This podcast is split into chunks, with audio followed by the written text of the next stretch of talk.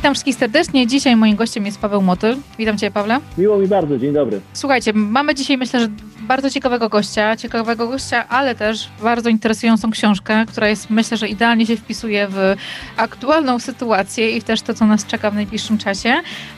Zanim jeszcze przejdziemy do tego naszego tematu naszej rozmowy, chciałabym, żebyś Paweł przedstawił się naszym słuchaczom, powiedział, kim jesteś, czym się zajmujesz, żeby też mogli Ciebie lepiej poznać. Od strony zawodowej łączę, można powiedzieć, trzy perspektywy w swoim życiu, ponieważ z jednej strony jestem przedsiębiorcą, przedsiębiorcą prowadzę swoją działalność gospodarczą, po drugie, spędziłem no, dobre 10 lat w konsultingu, e, więc mam też perspektywę konsultanta, ale też pracowałem, jak to się mówi potocznie, na linii.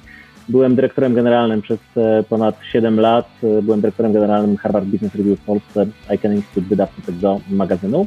Natomiast kim jestem? Pracuję jako trener, pracuję jako coach, pracuję jako szkoleniowiec. Staram się wspierać firmy, zespoły i ludzi w tym, żeby osiągały e, optymalne wyniki, takie, e, na jakie je tak naprawdę stać.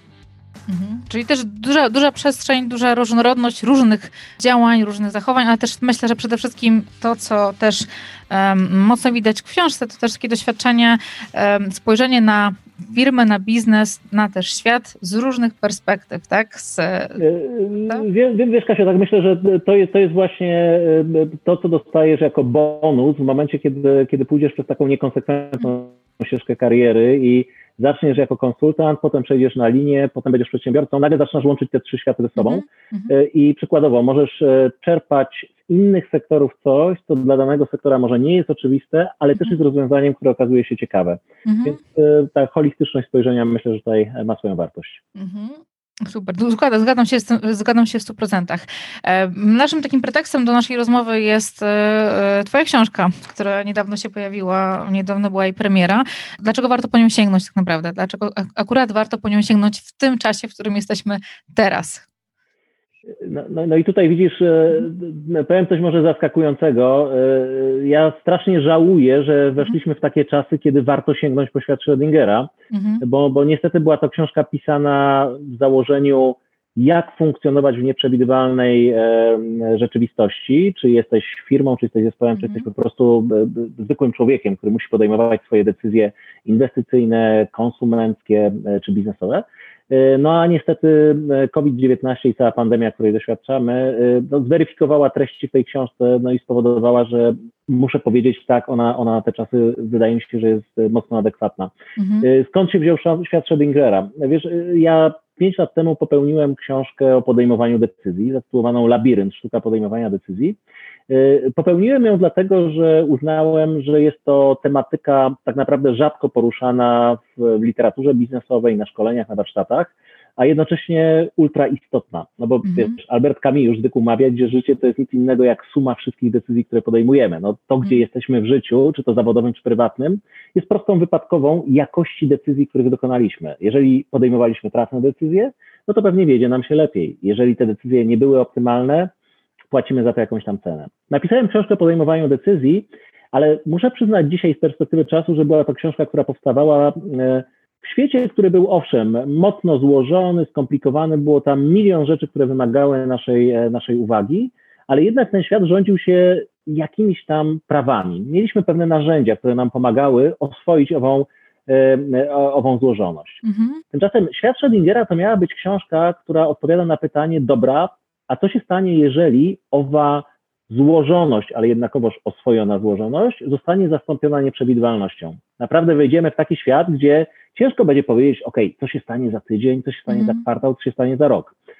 No i napisałem tę książkę. Zacząłem ją pisać w maju zeszłego roku, w maju 2019. Skończyłem w czerwcu tego roku. I niestety, ale właśnie ta finalna, y, finalna faza tworzenia książki zbiegła się w czasie oczywiście z pandemią koronawirusa. No i to był ten moment, kiedy my wszyscy przeszliśmy ze świata złożoności w świat nieprzewidywalności. Mm -hmm. No i odpowiadając na Twoje pytanie, dlaczego, dlaczego warto, warto sięgnąć po świat Schrödingera, Niestety dlatego, że on mówi dokładnie o tym, z czym się dzisiaj mierzymy. Mhm. Więc myślę, że ja, ja też miałam przyjemność przeczytać, zastanowić się trochę, jak to rzeczywiście funkcjonuje w tym momencie. Ja też od marca pracuję z wieloma przedsiębiorcami, z, też z firmami, które e, nie były gotowe, mam wrażenie, e, na to, co się wydarzyło, na tą właśnie nieprzewidywalność i mamy rzeczywiście e, możliwość od marca testować też to, o czym też piszesz tutaj, na swoich przykładach, tak? Wielu przedsiębiorców, czy otworzyło hotel 1 marca, kolejny hotel, czy budowało swój zespół rozproszony całkowicie, e, czy jeszcze inne rzeczy się wydarzyły. I rzeczywiście, jakby tak, tak jak sobie o tym myślę też, to, mm, to co moim zdaniem cechuje mm, osoby, które mogą, mogły łatwiej przejść przez tą sytuację, to też taka duża odwaga, kreatywność, e, otwartość na zmiany e, i zwinność. I jak też obserwujesz tę sytuację od marca, które firmy wyszły w jakiś sposób obronną ręką z, z, z tej sytuacji, które firmy mm, miały większą szansę wskoczyć, przystosować się w lepszy sposób? Mhm. Y, no, tutaj, tutaj widzisz, dotknęłaś bardzo ważnego tematu. Dałaś, dałaś kilka bardzo konkretnych przypadków, mm -hmm. tak? Mhm. Ktoś otworzył hotel 1 marca. Okej, okay, to, to, to, jest, to jest no klasyczna historia. Postawiliśmy na jakiegoś konia i chwilę później, to nawet nie to, że to jest niewłaściwy koń, ale świat po, powoduje, że skończyły się gonitwy. -hmm.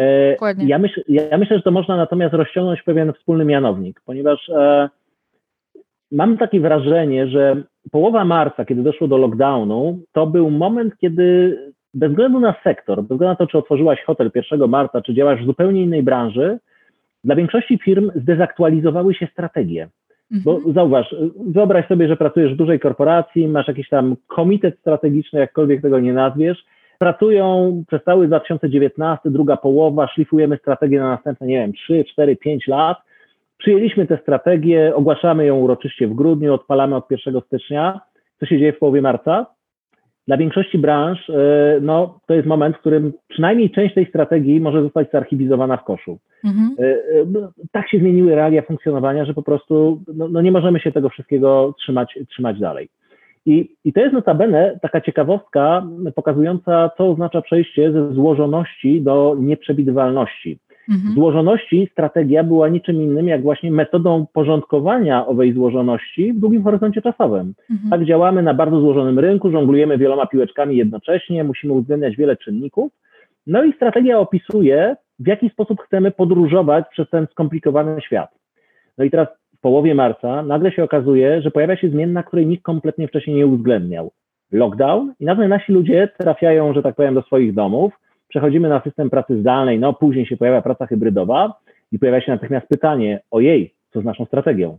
Mhm. Część strategii się wysypała od razu na starcie, no bo nawet jak załóżmy, mamy ten hotel, mieliśmy jakąś strategię na ten rok, no to 1 marca, no może 15 marca, musieliśmy sobie powiedzieć, dobra, nie zrealizujemy tej strategii. Ale nawet jeżeli nie jesteśmy w branży tak bezpośrednio dotkniętej jak hospitality mhm. e, koronawirusem, no to i tak w większości, w przypadku większości moich klientów pojawiło się pytanie, to co teraz? To teraz, no, ludzie siedzą po domach, myśmy tego nigdy wcześniej nie przerabiali tak naprawdę, nie mamy e, wdrożonych, że tak powiem, procedur pracy zdalnej czy pracy hybrydowej. Jak funkcjonować w świecie, gdzie również nasi partnerzy biznesowi, bo zauważmy, i po stronie klienta, i po stronie dostawców, może być bardzo duża asymetria konsekwencji. Niektórzy z nich mogą być mocno dotknięci COVID-em, a inni wręcz korzystają na covid bo pamiętajmy też, że są branże, które właśnie w tej sytuacji wygrywają. No, mm-hmm, e-commerce, mm-hmm. żeby tak już być banalnym i, mm-hmm. i podać taki klasyczny przykład.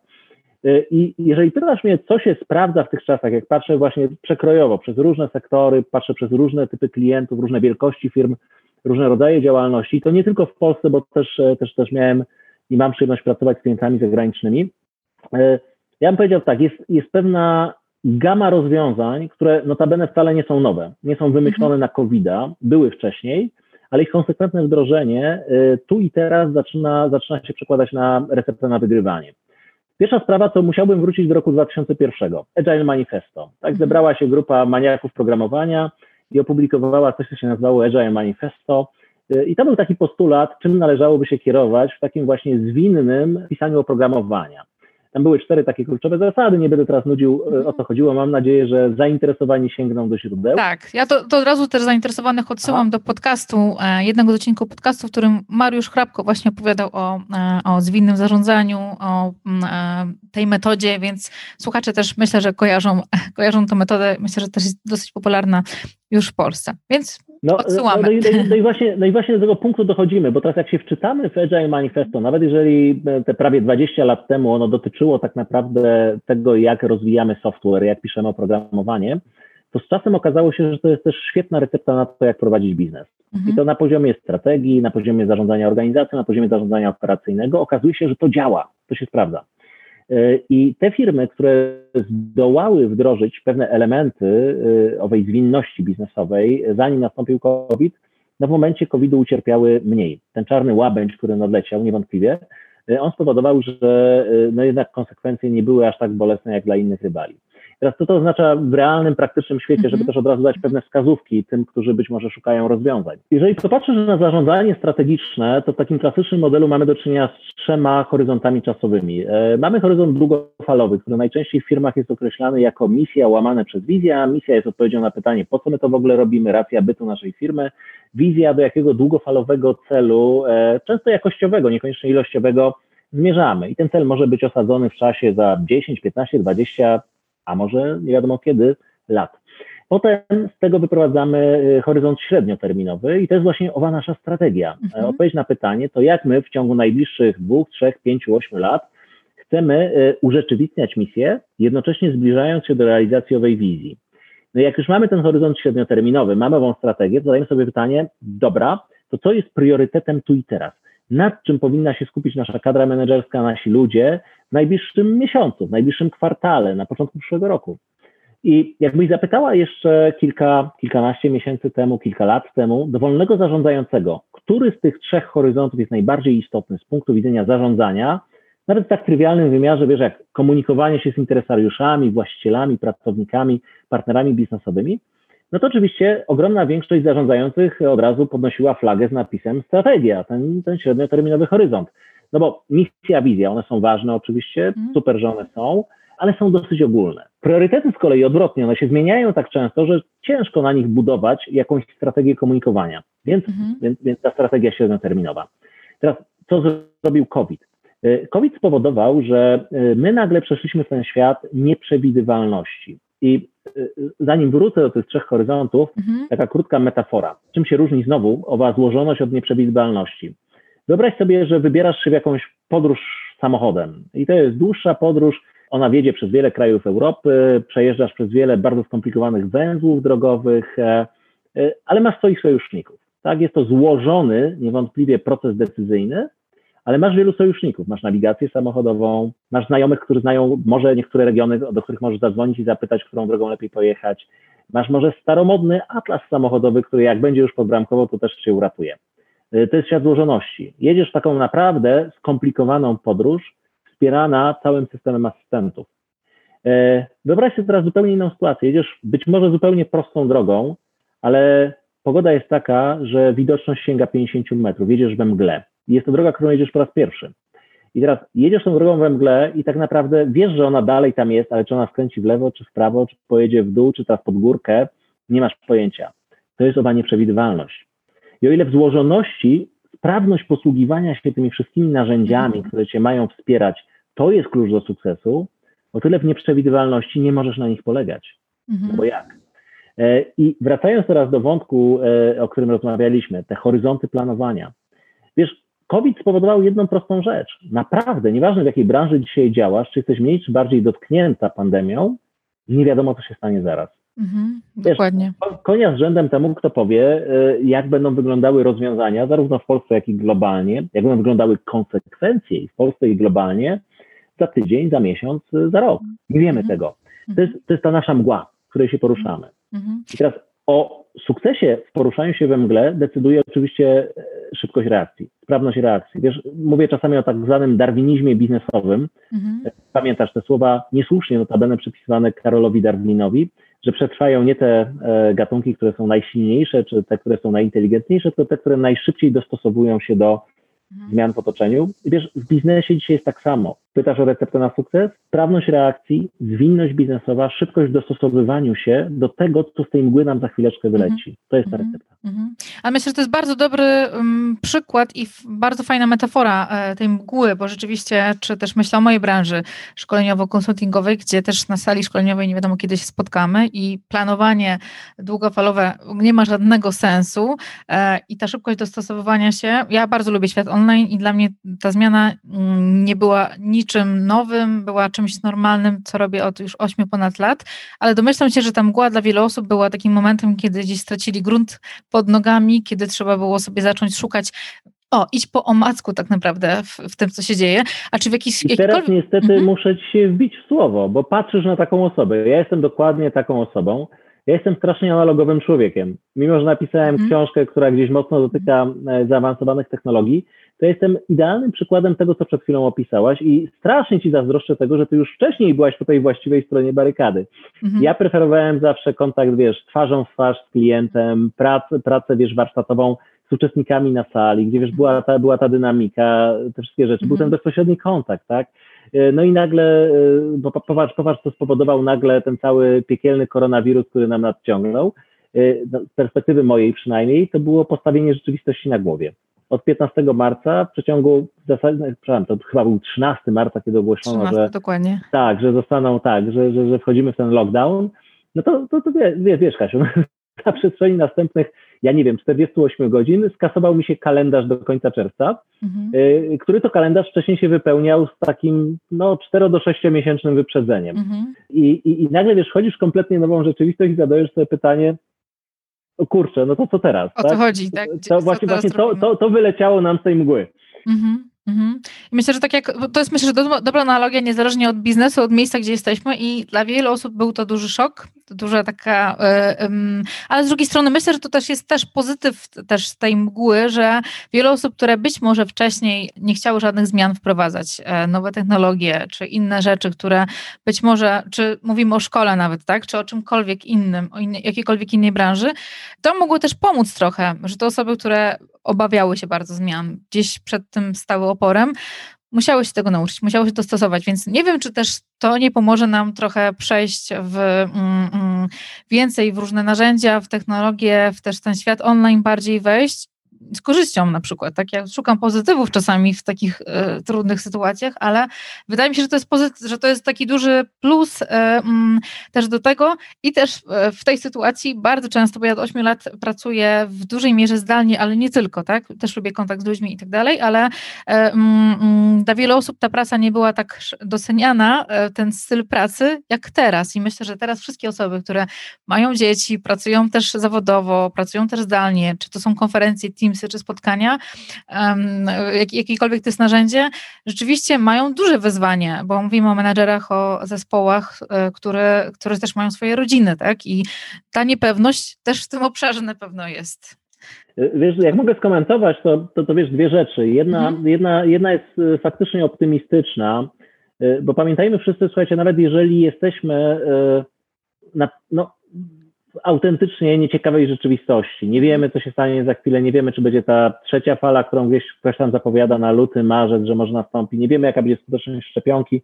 Nie wiemy też, słuchajcie, jakie będą konsekwencje gospodarcze tego, mm -hmm. co się dzieje dzisiaj, bo my możemy patrzeć na suche wskaźniki, komu o ile tam PKB urosło albo spadło, mm -hmm. ale pamiętajmy o jednej rzeczy. E, kryzys e, związany z pandemią wywołał jedną podstawową rzecz. Spadek siły nabywczej I tego się nie da oszukać. E, mhm. Jak popatrzycie no, holistycznie na społeczeństwo, no to tak, jednak część osób została zwolniona, części przycięto wynagrodzenia, część jednoosobowych działalności gospodarczych nie przetrwała tej pierwszej fali, to musi się odbyć, odbić, przepraszam, w konsumpcji. Mhm. Za chwileczkę mhm. niestety zobaczymy drugą falę tego kryzysu, już wywołaną nie samym lockdownem, e, ale tym, że po prostu ludzie nie mają pieniędzy, za które mają, mogą kupować tam jakieś kolejne towary czy dobra. I to, to, to na pewno jest negatywne. Co jest mhm. pozytywne w tym wszystkim, to że ten czas jest nieprawdopodobnie dobrym czasem na doskonalenie, mhm. na prowadzenie pozytywnych zmian. Y, I to w obu warstwach. Warstwa firmy i warstwa y, indywidualna, nasza osobista. Zacznę od tej pierwszej. Słuchajcie, ci z Was, którzy są, że tak powiem, praktykami zarządzania i e, prowadzą swoje zespoły, czy prowadzą swoje firmy, doskonale znają odpowiedź na pytanie, kiedy najtrudniej jest w firmie zainicjować jakąś zmianę. Odpowiedź jest dosyć trywialna. Kiedy jest dobrze.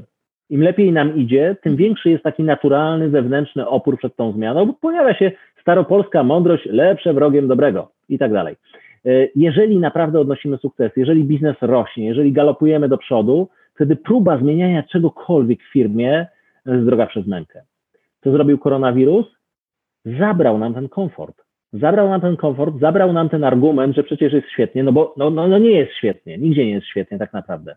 Nawet jeżeli żeśmy chwilowo wygrali na koronawirusie, to zaraz będzie pytanie właśnie o ten e, kryzys związany z, ze spadkiem siły nabywczej. W związku z tym firmy uzyskały niesamowity impuls do wprowadzenia zmian. E, przykład bardzo konkretny tak zwana transformacja cyfrowa, digital transformation, jak, jak zwał, tak zwał. Y, bardzo modny temat i to już od lat. Tylko jak pytaliśmy tak otwarcie przy kieliszku wina naszych przyjaciół, którzy pracują w różnych firmach, jak im idzie ta transformacja cyfrowa, to najczęściej odpowiedź brzmiała, mmm, wiesz, no niby jeden tam z priorytetów strategicznych, jeden z kluczowych projektów w firmie, ale wiesz co, strasznie to się kokosi, idzie jak po grudzie. Tak, po, co ma, po macoszemu było ztraktowane trochę. No, proste pytanie, Dla, dlaczego idzie po grudzie? Dlatego, że nie ma jakiejś takiej presji, która by naprawdę uzasadniła, czemu mamy się transformować w stronę nawet tak trywialnych rzeczy jak cyfrowy obieg dokumentów, właśnie praca zdalna, tego, tego typu historii. Ja już nie mówię, wiesz, o uczeniu maszynowym, blockchainach, sztucznych mhm. inteligencjach. Mówię o, o rzeczach, rzeczach podstawowych.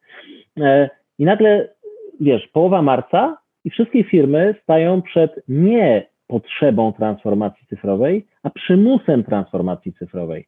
Nagle nie ma innego wyjścia. Jeżeli nagle usłyszeliśmy, że mamy siedzieć w domach, to, to, to już nie jest, że o, modny temat, zaczniemy pracować zdalnie to jest absolutny fundament utrzymania ciągłości operacyjnej biznesu. musimy zacząć pracować zdalnie i to nie za tydzień, za miesiąc czy za rok. Now! To się musi stać teraz. I dla wielu firm to był potworny szok, ale jednocześnie impuls do zmiany. Mhm. Więc to jest ta warstwa organizacyjna. Warstwa indywidualna, e, pozwolę sobie na prywatę i wrócę do, do, do tego wątku, wiesz, wiesz, gościa, który tam szkolił na salach, w ogóle machał rękami, wszystko było super, kiedy byliśmy twarzą w twarz, i nagle przeszliśmy na, na, na, zupełnie nową rzeczywistość. Ja muszę Ci powiedzieć, że dla mnie te ostatnie kilka miesięcy to był chyba najbardziej intensywny okres rozwojowy w całym moim życiu zawodowym. Znaczy, chyba nigdy nie nabyłem aż tylu nowych umiejętności, kompetencji, jak w tych ostatnich kilku miesiącach. Wiesz, proces był makabrycznie trudny, bo ja jestem naprawdę strasznie analogowym mm. facetem, ale z drugiej strony był to proces niesłychanie rozwojowy, taki, który dał mi też potężną satysfakcję wewnętrzną. Wiesz, nauczenie się chociażby tego, co dla ciebie jest pewnie chlebem powszednim, wiesz, pracy poprzez te wszystkie narzędzia zdalne, okej, okay, ja wiem, że one były wcześniej. Nawet mi się sporadycznie zdarzało uczestniczyć w sesjach na, na Zoomie, mhm. Teamsach, Skype'ach, cudach, wiankach, innych tego typu historiach, ale to nie było moje podstawowe narzędzie pracy. Mhm. I nagle ja trochę niestety stanąłem, tak jak te organizacje, które wspomniałem przed chwilą, przed dokładnie tym dylematem. To już nie jest modny temat, że wartałoby, panie Motyl, być tam w jakichś mediach społecznościowych, trochę pochulać w necie, trochę popracować zdalnie. Nie, to była, to zaczęła być jedyna droga, żeby w ogóle y, przetrwać, Istnieć. żeby dalej mhm. działać w tym świecie. Dokładnie tak. Więc ja się nieprawdopodobnie dużo nauczyłem i jednocześnie zobaczyłem rzeczy, na które byłem kompletnie zaślepiony wcześniej. Dam Ci dwa przykłady. Pierwszy przykład, taki dosyć oczywisty, to są zasięgi. Kiedy pracujesz na tradycyjnej, nie wiem, konferencji, kongresie, seminarium, często mnie zapraszano jako speakera na różne tego typu wydarzenia, no to jak zbierzesz na sali 400-500 osób z porządnego poziomu, wiesz, organizacji, no to to można powiedzieć, że to już jest sukces. Tak, w polskich warunkach faktycznie widownia 400-500 osób to jest dobry wynik. Nagłe przejście na e, metody online'owe. Uczestniczyłem w pewnym kongresie e, w drugim kwartale tego roku, który z powodów COVID-u został przeniesiony do wirtuala. E, coś tam wygłosiłem rzekomo inspirującego, no i później pytam organizatorów, no a tak słuchajcie, z ciekawości, bo, bo nawet nie wiem, ile ostatecznie było osób. 4,5 tysiąca. Mhm. I wiesz, w tym momencie nagle zaczynasz sobie zdawać sprawę, uwaga, z czego sobie zaczynasz zdawać sprawę? Zaczynam sobie zdawać sprawę, jak głupi byłem wcześniej. Mhm. Zaczynam sobie zdawać sprawę, jak głupi byłem wcześniej, jak nie doceniałem potencjału, który jest zupełnie gdzie indziej. Właśnie dlatego, że żyłem w tym komfortowym, stabilnym świecie, gdzie kalendarz się wypełnia na 4 do 6 miesięcy do przodu. Drugi mhm. przykład, wiesz, złapałem się na rzeczy następujące. Okazało się, że ja w 2019 roku wylatałem ponad 250 tysięcy mil w samym programie Miles and More. No i tak, owszem, masz klientów w Azji, masz klientów w Ameryce Północnej, masz klientów dookoła świata i to jest normalne, że do nich latasz. I nagle człowiek siada na, przepraszam, czterech literach i zadaje sobie pytanie, czy każda z tych podróży biznesowych była konieczna. Bo każda z nich jest jednocześnie potężnym kosztem operacyjnym, rozumianym jako strata czasu, przesiadywanie mm -hmm. na lotniskach. Wiesz, w samolocie coś tam popracujesz i tak dalej, i tak dalej, ale umówmy się na końcu dnia, to nie jest to, na co tak naprawdę liczysz. Tak. I, i, i dzisiaj pewnie, gdybym, gdybym miał e, spojrzeć na logistykę mojego funkcjonowania 2019 z perspektywy 2020 i tego, co mnie COVID nauczył, e, no to znowu zadałbym sobie pytanie, jak mogłeś być tak głupi? Mhm. Tyle rzeczy można było zrobić inaczej. Mhm. I rzeczywiście zgadzam się w 100% z tym, że wszystko można, e, w zależności od naszego podejścia, trochę jak do tej sytuacji podchodzimy, czy jesteśmy otwarci na te zmiany, otwarci na tą rzeczywistość, czy zaprzeczamy w niej. Nie, to tak nie ma, nie będzie tego, albo szukamy starych rozwiązań, starych systemów. Powiedziałeś tutaj o, o tych metodach zwinnych, o mm, tak mhm. zwanych też sprintach, tak, czy planowaniu trochę krótkoterminowym. I tutaj myślę, że dobrym momentem będzie zadanie takiego pytania, jakim jest, jak mamy w tej mgle się poruszać, tak? Co e, firmy, organizacje, które już teraz trochę widzimy, że ten przyszły rok też jest takim czasem, nie do końca wiemy, co się będzie działo w styczniu. E, mm, ma, możemy planować tylko z jakimś wyprzedzeniem dwutygodniowym, nawet dwutygodniowym też ciężko, bo o świętach też jeszcze nie wiemy, czy innych obszarach, co będzie, czy w styczniu co się będzie działo. To jak się w tej mgle możemy poruszać? Czy to są firmy duże, czy mniejsze? Myślę, że takie zasady pewnie są w miarę uniwersalne dla, każ dla każdego mhm. z nas. Wiesz, to tu jest kilka punktów i to mhm. zacznę od e, banalnego i przejdę do mhm. takich trochę, trochę, trochę mniej trywialnych. Jasne.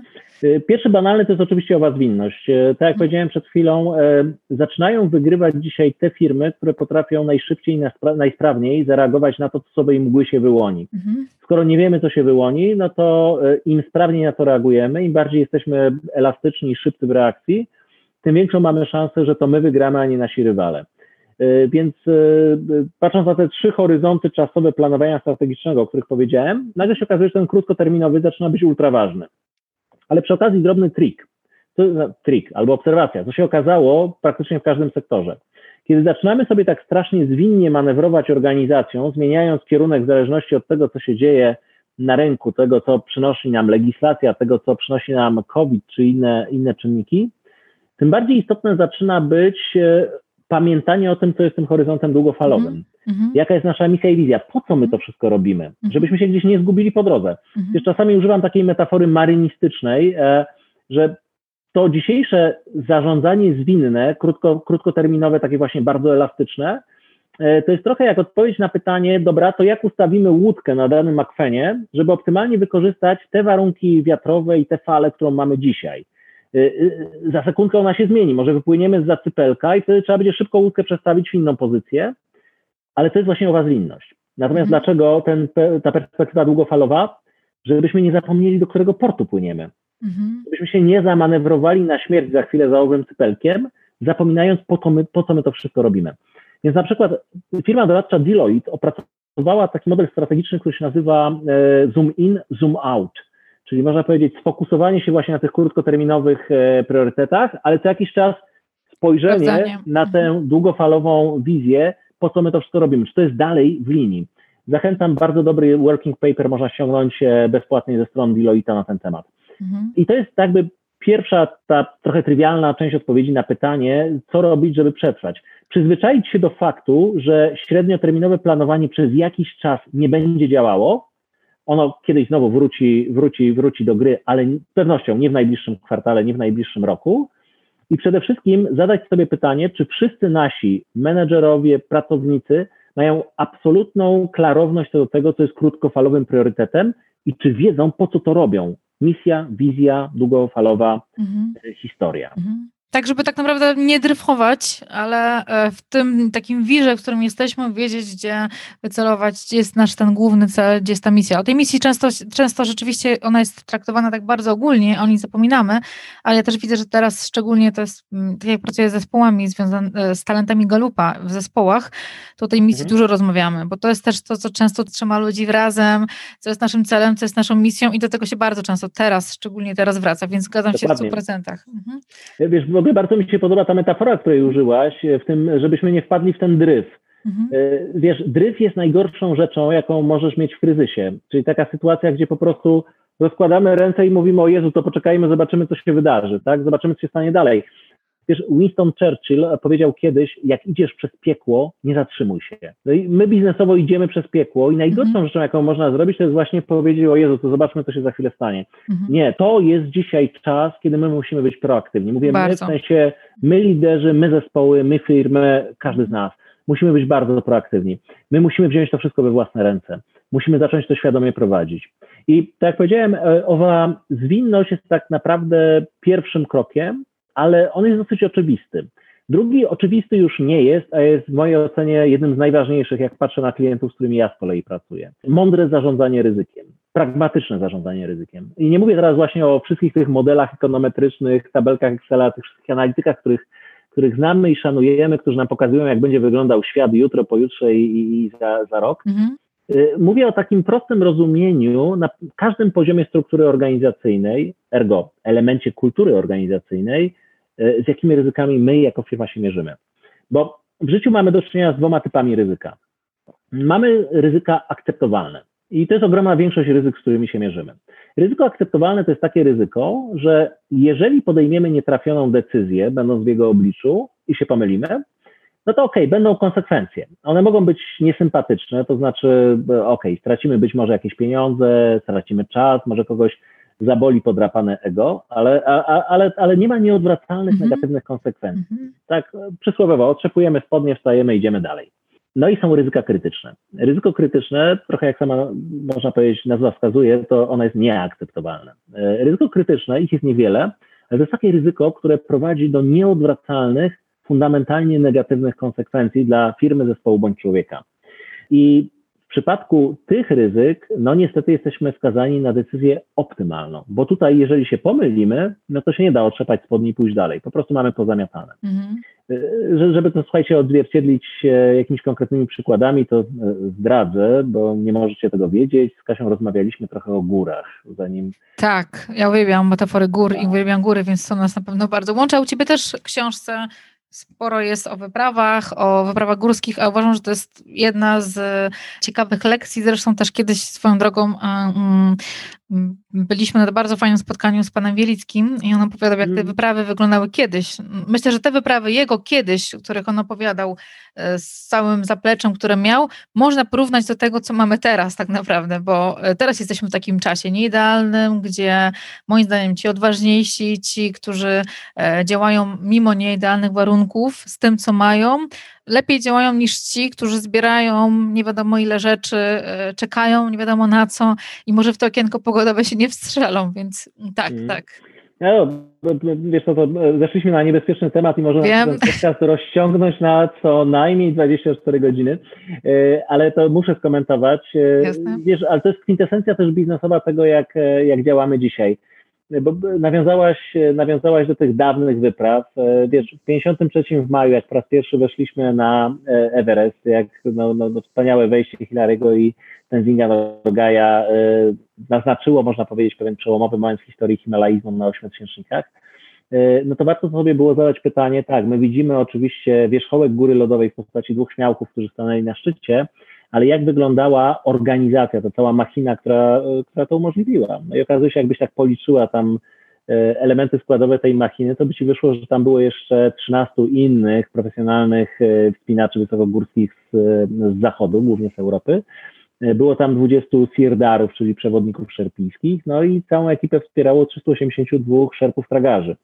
Więc masz, można powiedzieć, ponad 400-osobowy skład, który pracuje na sukces dwóch osób. Mhm. I, I faktycznie nawet w biznesie, jakbyś tak popatrzyła, to jeszcze paręnaście lat temu wielkość biznesu była pewną miarą sukcesu. To ile masz osób na pokładzie, na jaką skalę działasz, jaki masz udział rynkowy. Potem natomiast, wracam do himalaizmu, zaczęły się pojawiać zadziwiające historie. No, wspomniany Krzysiek Wielicki, który któregoś dnia no, zadziwił cały świat himalaizmu, świat, który żył właśnie w tym przeświadczeniu, że ośmiotysięczniki to się zdobywa tak zwanymi wyprawami oblężniczymi, czyli musisz mieć te setki ludzi, te nadmiarowe wręcz zapasy, zaopatrujesz kolejne obozy, wynosisz tam tlen, żywność, no i potem oblegasz górę. Oblegasz ją tak długo, aż cię wpuści, bo będzie okienko pogodowe.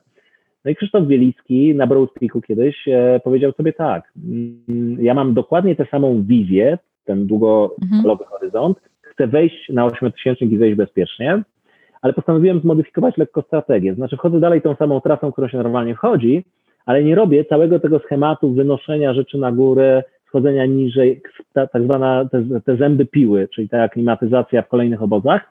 Nie robię tego.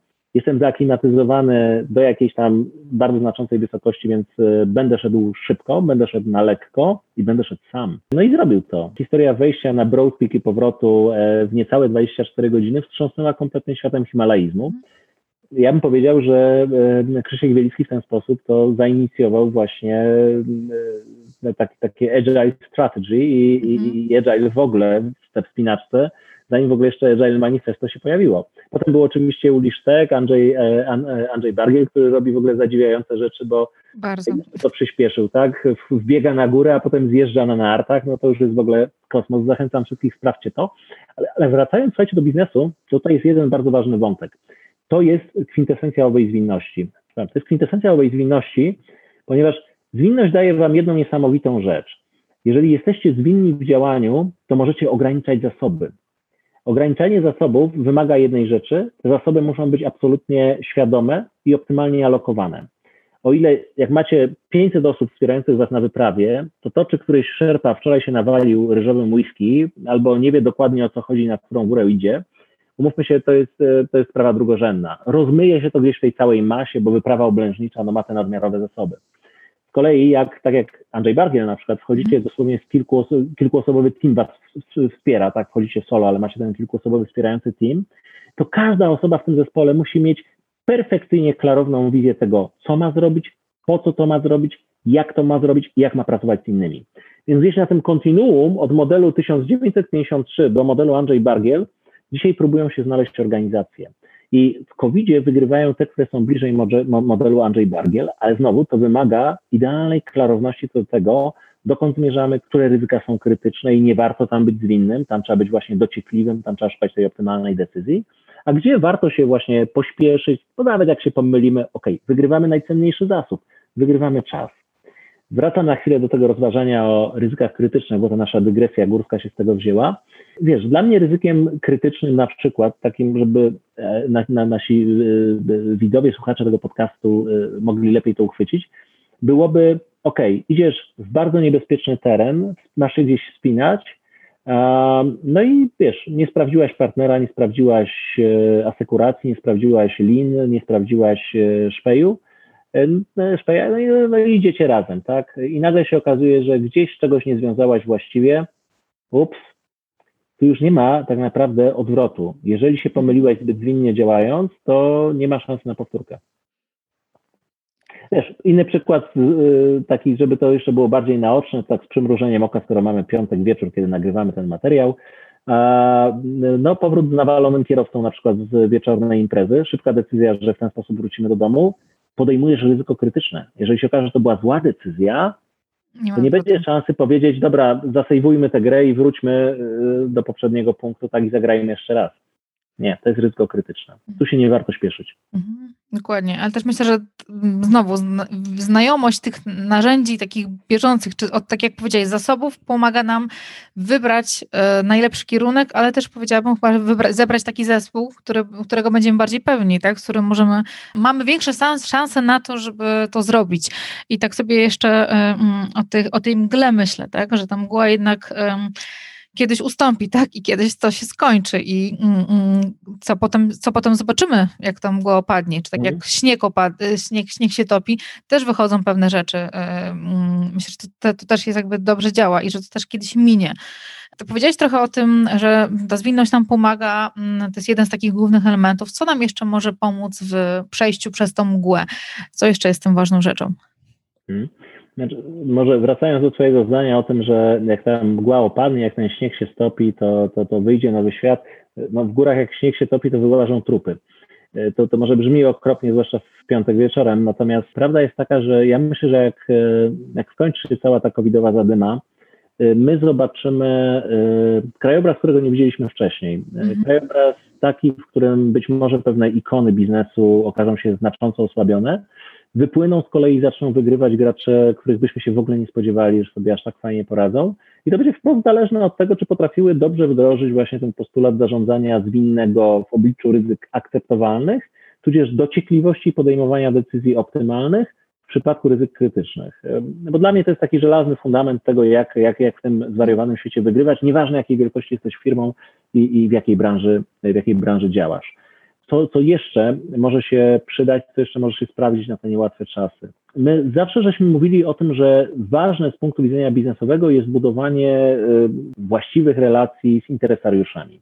Przy czym y, y, słowo interesariusz, czy tam stakeholders angielska, no to to jest oczywiście bardzo modny termin, trochę właśnie jak zwinność, jak agile. Mhm. E, tylko problem polega na tym, że w większości firm ono funkcjonuje jako taki po prostu wyświechtany frazy. No, mamy interesariuszy, inne firmy mają interesariuszy, no, no, no, no i co z tego?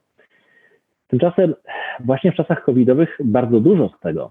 E, każda firma ma kilka grup, pięć, sześć grup takich klasycznych interesariuszy. Interesariuszami są oczywiście klienci, ale interesariuszami są też pracownicy. Mhm. Interesariuszami są właściciele. Jeżeli jesteśmy spółką akcyjną, no to akcjonariusze, jeżeli jesteśmy e, na udziałach, no to, to, to właściciele tych udziałów e, i tak dalej. Interesariuszami są nasi dostawcy czy partnerzy biznesowi. Interesariuszami może być e, na przykład regulator, mogą być społeczności lokalne, z którymi pracujemy. Tak wygląda nasza mapa interesariuszy. I jak patrzę teraz na te ostatnie kilka, kilka miesięcy, znowu okazuje się, że wygrywają firmy, które w tym niełatwym czasie zadbały o ciągłą, spójną i bardzo konkretną komunikację ze swoimi interesariuszami. Mhm. Każdą z tych grup, które wymieniłem. E, e, dam Ci bardzo prosty przykład od jednego z moich klientów. E, przykład tak prosty, że to aż boli, muszę powiedzieć, że inne firmy tego nie robią. Otóż y, ten klient to jest y, firma produkcyjno-handlowa, działająca międzynarodowa, ale firma polska. Ta firma oczywiście y, pracuje z wieloma dostawcami komponentów, którzy no, umożliwiają jej prowadzenie produkcji i później eksport swoich towarów. I ta firma od razu jak się zaczął COVID, jeszcze właśnie w tych pierwszych, w pierwszej połowie marca, wprowadziła banalnie prostą historię. Do każdego ze swoich dostawców wysyła, nazwalibyśmy to modnie, nie wiem, newsletter, wysyła po prostu króciutkiego maila na koniec każdego dnia. To jest codzienny newsletter. On jest ultra krótki, to jest, nie wiem, 3-4 punkty. Co u nas słychać, co się dzieje, co mamy dalej w mhm. planie, co robimy ze względu na COVID-a, itp., itd. I oni to robią codziennie. Jakiś pracownik to przygotowuje, zajmuje to 5-10 minut i to jest wysłane tych wszystkich dostawców. Słuchaj, reakcja tych dostawców była nieprawdopodobna, ponieważ reakcję można streścić w no, w tak, takim haśle, które usłyszałem jako cytat z rozmowy telefonicznej. Zadzwonił któryś z tych dostawców i mówi do, do któregoś z pracowników owej firmy, o której mówię, e, mówi tak, jej, jak to niesamowicie fajnie, że wy wysyłacie do nas te, te, te maile na koniec dnia, tam koło 17, że to mm. przychodzi zawsze. No, po, no, wejdźcie w nasze buty, pomyślcie, jak my się czujemy. E, świat się chwieje, my nie wiemy o co chodzi, nie wiemy, jak mhm. będzie dalej wyglądał ten koronawirus wisimy na kilku głównych klientach, w sensie dostarczamy wam towary i my po prostu nie wiemy, czy wy za nie będziecie w stanie zapłacić. A może wy upadacie, a może, może za chwilę zostaniemy z gigantycznymi nieopłaconymi fakturami i nam rąbnie płynność. A sam fakt, że wy z nami jako jedyni z naszych dostawców, z naszych odbiorców e, utrzymujecie taki bieżący kontakt, piszecie, co u was słychać, czym się zajmujecie, nad czym się firma w tym momencie skupia, jejku, to nam zrzuca kamień z serca. To mhm. powoduje, że że, że patrzymy na was zupełnie innym okiem. O, to oni przynajmniej y, prawdopodobnie nie będą unikali telefonów, kiedy zapytamy, co z naszą fakturą. Y, I, i wiesz, Kasiu, to, to ja myślę, że w kryzysie najważniejsze jest to, że tu już nie ma B2B, B2C, w kryzysie jest H2H, human to human. Y, po mhm. prostu. Mhm. My musimy zacząć patrzeć na tę rzeczywistość, w której jesteśmy, jako rzeczywistość ludzi, którzy mają swoje emocje, mają swoje nadzieje, mają swoją dumę, mają swoje lęki, mają, mają swoje obawy i, I wszyscy musimy się z tym wspólnie zmierzyć. I to, co zrobiła ta firma, to, że zaczęła wysyłać ten niezobowiązujący newsletter, który zajmuje 10 minut dziennie jakiemuś pracownikowi, to nagle spowodowało, że bardzo duża grupa dostawców powiedziała: OK, nasza emocja jest lepsza w tym momencie w stosunku do tego konkretnego odbiorcy. Mm -hmm. I wiesz, i to jest dla mnie kwintesencja tego, jak bez jakichś strasznych, wiesz, wymyślonych przez firmy doradcze modeli można w realnym świecie budować realną wartość dla interesariuszy, również w tym trudnym czasie. Mhm. Tak, znowu wrócę do tej analogii tej mgły, tak jak opowiadałeś o tym, pomyślałam sobie, że w tej mgle, jak jesteśmy, jak idziemy sobie, to zawsze raźnie jest, jak y, czujemy się samotni bardzo, nikogo tam nic nie widzimy, nie wiemy, co się dzieje, co przed nami. Zawsze fajnie krzyknąć, halo, jest tam ktoś, gdzie jesteś, czy wszystko dobrze, więc też y, myślę, że tym elementem na pewno takim ważnym, też to, co ja dostrzegam, jak pracuję z moimi klientami, jest też taki element budowania wspólnoty. Zawsze łatwiej nam e, działać z innymi. Widzę, jak też wiele firm sobie e, wzajemnie pomaga, e, czy dostarczając, czy mm, pomagając, podkupując pewne rzeczy, czy łącząc się. Więc to też myślę, że mm, też ten czas, tak zawsze kryzys trochę weryfikuje mm, i nas, i tak jak powiedziałaś, firmy, jakimi ludźmi jesteśmy. Zresztą, tak jak ja mam bardzo dużo konsultacji, dużo spotkań one-to-one -one, i nawet te spotkania są też przyznam się, przyznam się, że też fajne, bo bardziej uczłowieczają jak e, mm, psykoty, widzimy jakieś dzieci, które wchodzą, to zawsze jest coś innego, pokazuje, że jesteśmy poza tymi garniturami, poza tym, tymi naszymi pozycjami, e, stanowiskami, jesteśmy tak samo ludźmi jak e, osoba po drugiej stronie, więc też myślę, że to może nas jakoś przybliży i myślę, że chyba, chyba tym, tym bardziej w tym czasie, chyba w tym czasie niepewności potrzebujemy tego, więc myślę, że to, co powiedziałeś jest bardzo, e, bardzo ważne, bardzo. Wiesz, ja myślę, że my jedziemy po prostu na tym samym wózku, tylko nie do końca sobie e, z tego zdajemy sprawę. Tak. Bardzo mi się podoba twój komentarz, wiesz, na temat, na temat tego, jak znowu, koronawirus paradoksalnie, ale pokazał prawdziwą twarz każdego z nas. Mhm. Zauważ, że no, no, no, biznes jest tak skonstruowany, że jednak ludzie zakładają pewne maski i ty i ja też zakładamy te maski, mhm. kiedy stajemy przed klientami, kiedy z nimi zaczynamy pracować. No i właśnie ten, ta, ta, ta magia momentu, kiedy za tobą przebiega nagle dziecko, kot ci skakuje na plecy i się zastanawia, co z tym fantem zrobić, a to jest środek spotkania wiesz, z zarządem e, firmy amerykańskiej. No zauważ, to budzi śmiech wszystkich Tutaj nie ma, o Boże, jaki nieprofesjonalny motyl, że pozwoli, żeby mu kot skoczył na plecy. Nie, nagle się okazuje, że no, no kurczę, my jesteśmy wszyscy ludźmi, mamy właśnie swoje emocje, mamy swoje życia, mamy ten świat, w którym działamy. Y, I y, wiesz, rozmawiałem z jednym ze świetnych polskich psychologów niedawno y, na temat tego, co dobrego może nam dać ten cały koronakryzys. I on powiedział bardzo krótko, powrót do człowieczeństwa, rozumianego jako dostrzeganie w sobie właśnie to age to age. Człowiek mm. z człowiekiem, a nie, że reprezentuje, co ja mam na wizytówce. No kurczę, no a jakie to ma znaczenie z punktu widzenia tego w świecie, w którym się działamy? Mm. Jaka korporacja za mną stoi? A co to ma za znaczenie z punktu widzenia tego, co musimy tu i teraz e, zrobić i osiągnąć. E, ja myślę, że jest szansa, że my dzięki koronakryzysowi e, odrzucimy trochę, mm, trochę właśnie takich fetyszy biznesowych, na których się opieraliśmy dotychczas. Rzeczy, które zajmowały czas, męczyły nas wszystkich. Nikt nie odważył się tego powiedzieć głośno. Jezus, jak mam dosyć tej gry, tego mhm. po prostu udawania kogoś, kim nie jestem do końca ja myślę, że my teraz, jak to, jak to ładnie ktoś e, określił, staniemy w prawdzie, tak? I, mm. i nie, jestem jaki jestem, kurczę, pracujmy, zastanówmy się, jak, jak wyciągnąć z tego autentyczny win-win. Więc yy, idąc tropem twojej myśli, tak, myślę, że to będzie fajna, fajna ścieżka. Mhm. E, słuchajcie, ja, ja, od razu Was odsyłam do książki. Książki a propos kota. Tutaj mamy kota na okładce. Mamy e, kota, mamy kota, nie da się inaczej. Dokładnie. E, odsyłam Was do książki. Myślę, że w niej też znajdziecie jeszcze więcej mm, bardzo ciekawych wniosków, ale też ciekawych przykładów, nie tylko górskich, ale też z doświadczenia Pawła. To jeszcze takie pytanie, Paweł, w takim razie na koniec. Co jeszcze nas może zaskoczyć, jakbyśmy tak pogdybali sobie w tym najbliższym czasie? Na co jeszcze możemy, mm, jakie ryzyka w cudzysłowie możemy jeszcze uwzględnić? w tym, co nas może czekać, tak się zastanawiam. Mm, nie wiemy w sumie, co, co będzie przed nami. Czy coś, czy coś tutaj prorokujesz, że może się jeszcze e, wydarzyć? Pytanie, co prorokuje, jest przerażające, bo bym się postawił na piedestale bycia prorokiem, a ja w ogóle mam e, straszną alergię na wszelkiego rodzaju proroków i prognostów niestety dzisiaj. E, ale to jest początek tak naprawdę odpowiedzi na Twoje pytanie już mhm. tak zupełnie serio.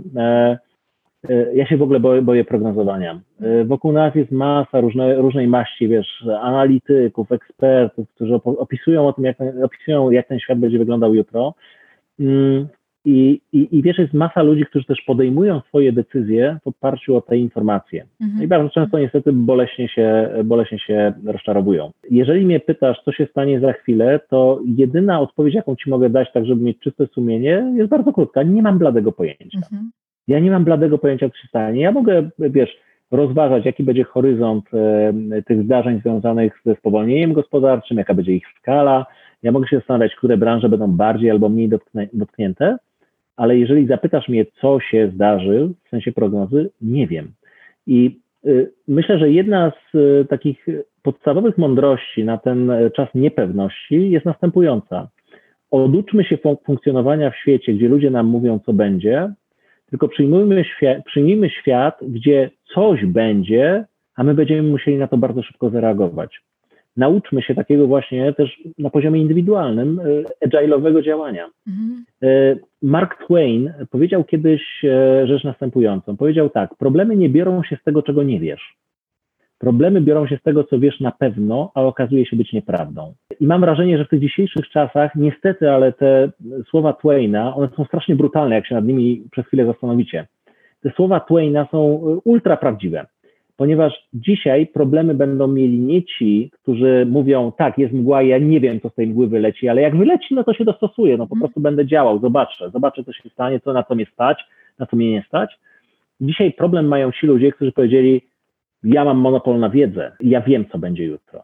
Nakreślą ten obraz jutra, a życie pokaże środkowy palec. Mm. Się okaże, że jednak to jutro wygląda inaczej.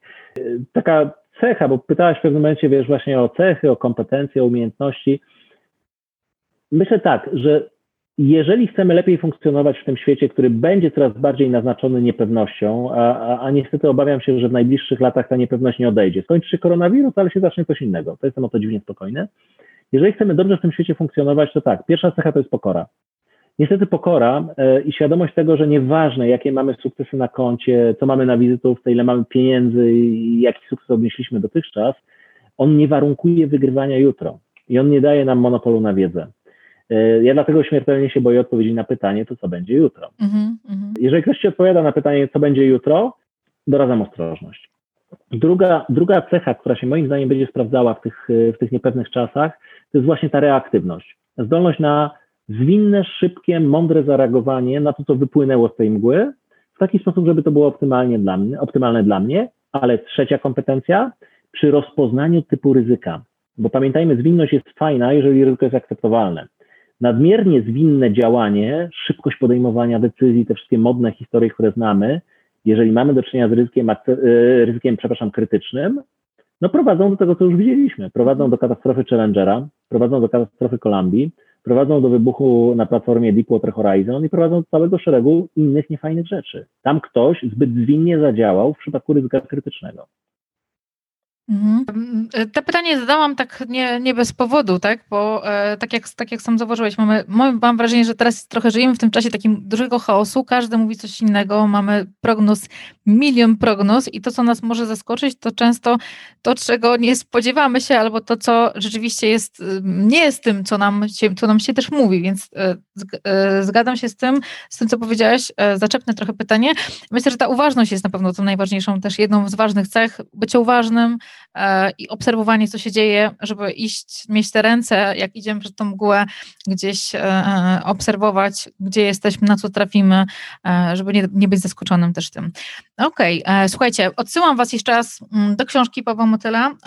A Pawle, powiedz mi, gdzie na koniec, na koniec, gdzie możemy Ciebie znaleźć, jeżeli słuchacze chcieliby zerknąć, wrócić do e, materiałów, do Twoich treści, ale też do książki. Gdzie mają Ciebie szukać? E, tak, w chwili obecnej w polskich górach, niebawem stąd zniknę. E, natomiast e, odkładając żarty na bok, www.pawelmotyl.com to jest moja strona internetowa. E, adres mailowy, gdyby ktoś z Was zechciał zadać pytania e, albo podzielić się refleksjami, paweł małpa pawelmotyl.com. Natomiast e, świat Schrödingera możecie nabyć we wszystkich księgarniach tradycyjnych i internetowych. E, jest on dostępny. E, prace nad e-bookiem i audiobookiem są na ostatniej prostej. Trzymamy kciuki, żeby mm, w najbliższym czasie, czasu mamy trochę więcej, więc trzymam kciuki, żeby w najbliższym czasie został też stworzony. I, i w takim razie ja Pawle Ciebie, Tobie życzę na koniec jeszcze uczenia się nieustannie nowych rzeczy, też radości z tego, z odkrywania tej nowej przestrzeni, mniej analogowej, bardziej online'owej i rzeczywiście dostrzegania też tych pozytywów w tym świecie, który jest niepewny, żebyś też miał, e, czerpał też dużo radości z, z tego, co tutaj, co nam mimo wszystko świat przynosi, żebyś też to dla siebie zabierał. Tego ja Ci życzę na koniec naszej rozmowy i tego też życzę naszym słuchaczom i osobom, które nas oglądają. Dziękuję Ci serdecznie. Pięknie nawiązałaś do Tofflera właśnie, do, do, do, do tego cytatu mówiącego, że analfabetą z XXI wieku nie będzie ktoś, kto nie potrafi czytać czy pisać, to ktoś, kto nie potrafi e, uczyć się, otuczać i uczyć ponownie. Ja wszystkim też życzę tej zdolności uczenia się, e, ponownego uczenia się. Z drugiej strony życzę oczywiście zdrowia, bo to dzisiaj najważniejsze e, i pogody ducha, bo myślę, że w tym wszystkim, przez co idziemy, ta pogoda ducha jest istotna nie tylko dla nas samych, ale dla tych wokół nas, którzy też patrzą i się zastanawiają, ok, może się mogę na tej osobie oprzeć. E, dawajmy innym oparcie, opierajmy się na innych. Age to age, human to human, to wygrywa na końcu. Dziękuję Wam bardzo. Dziękuję jeszcze raz, Pawle.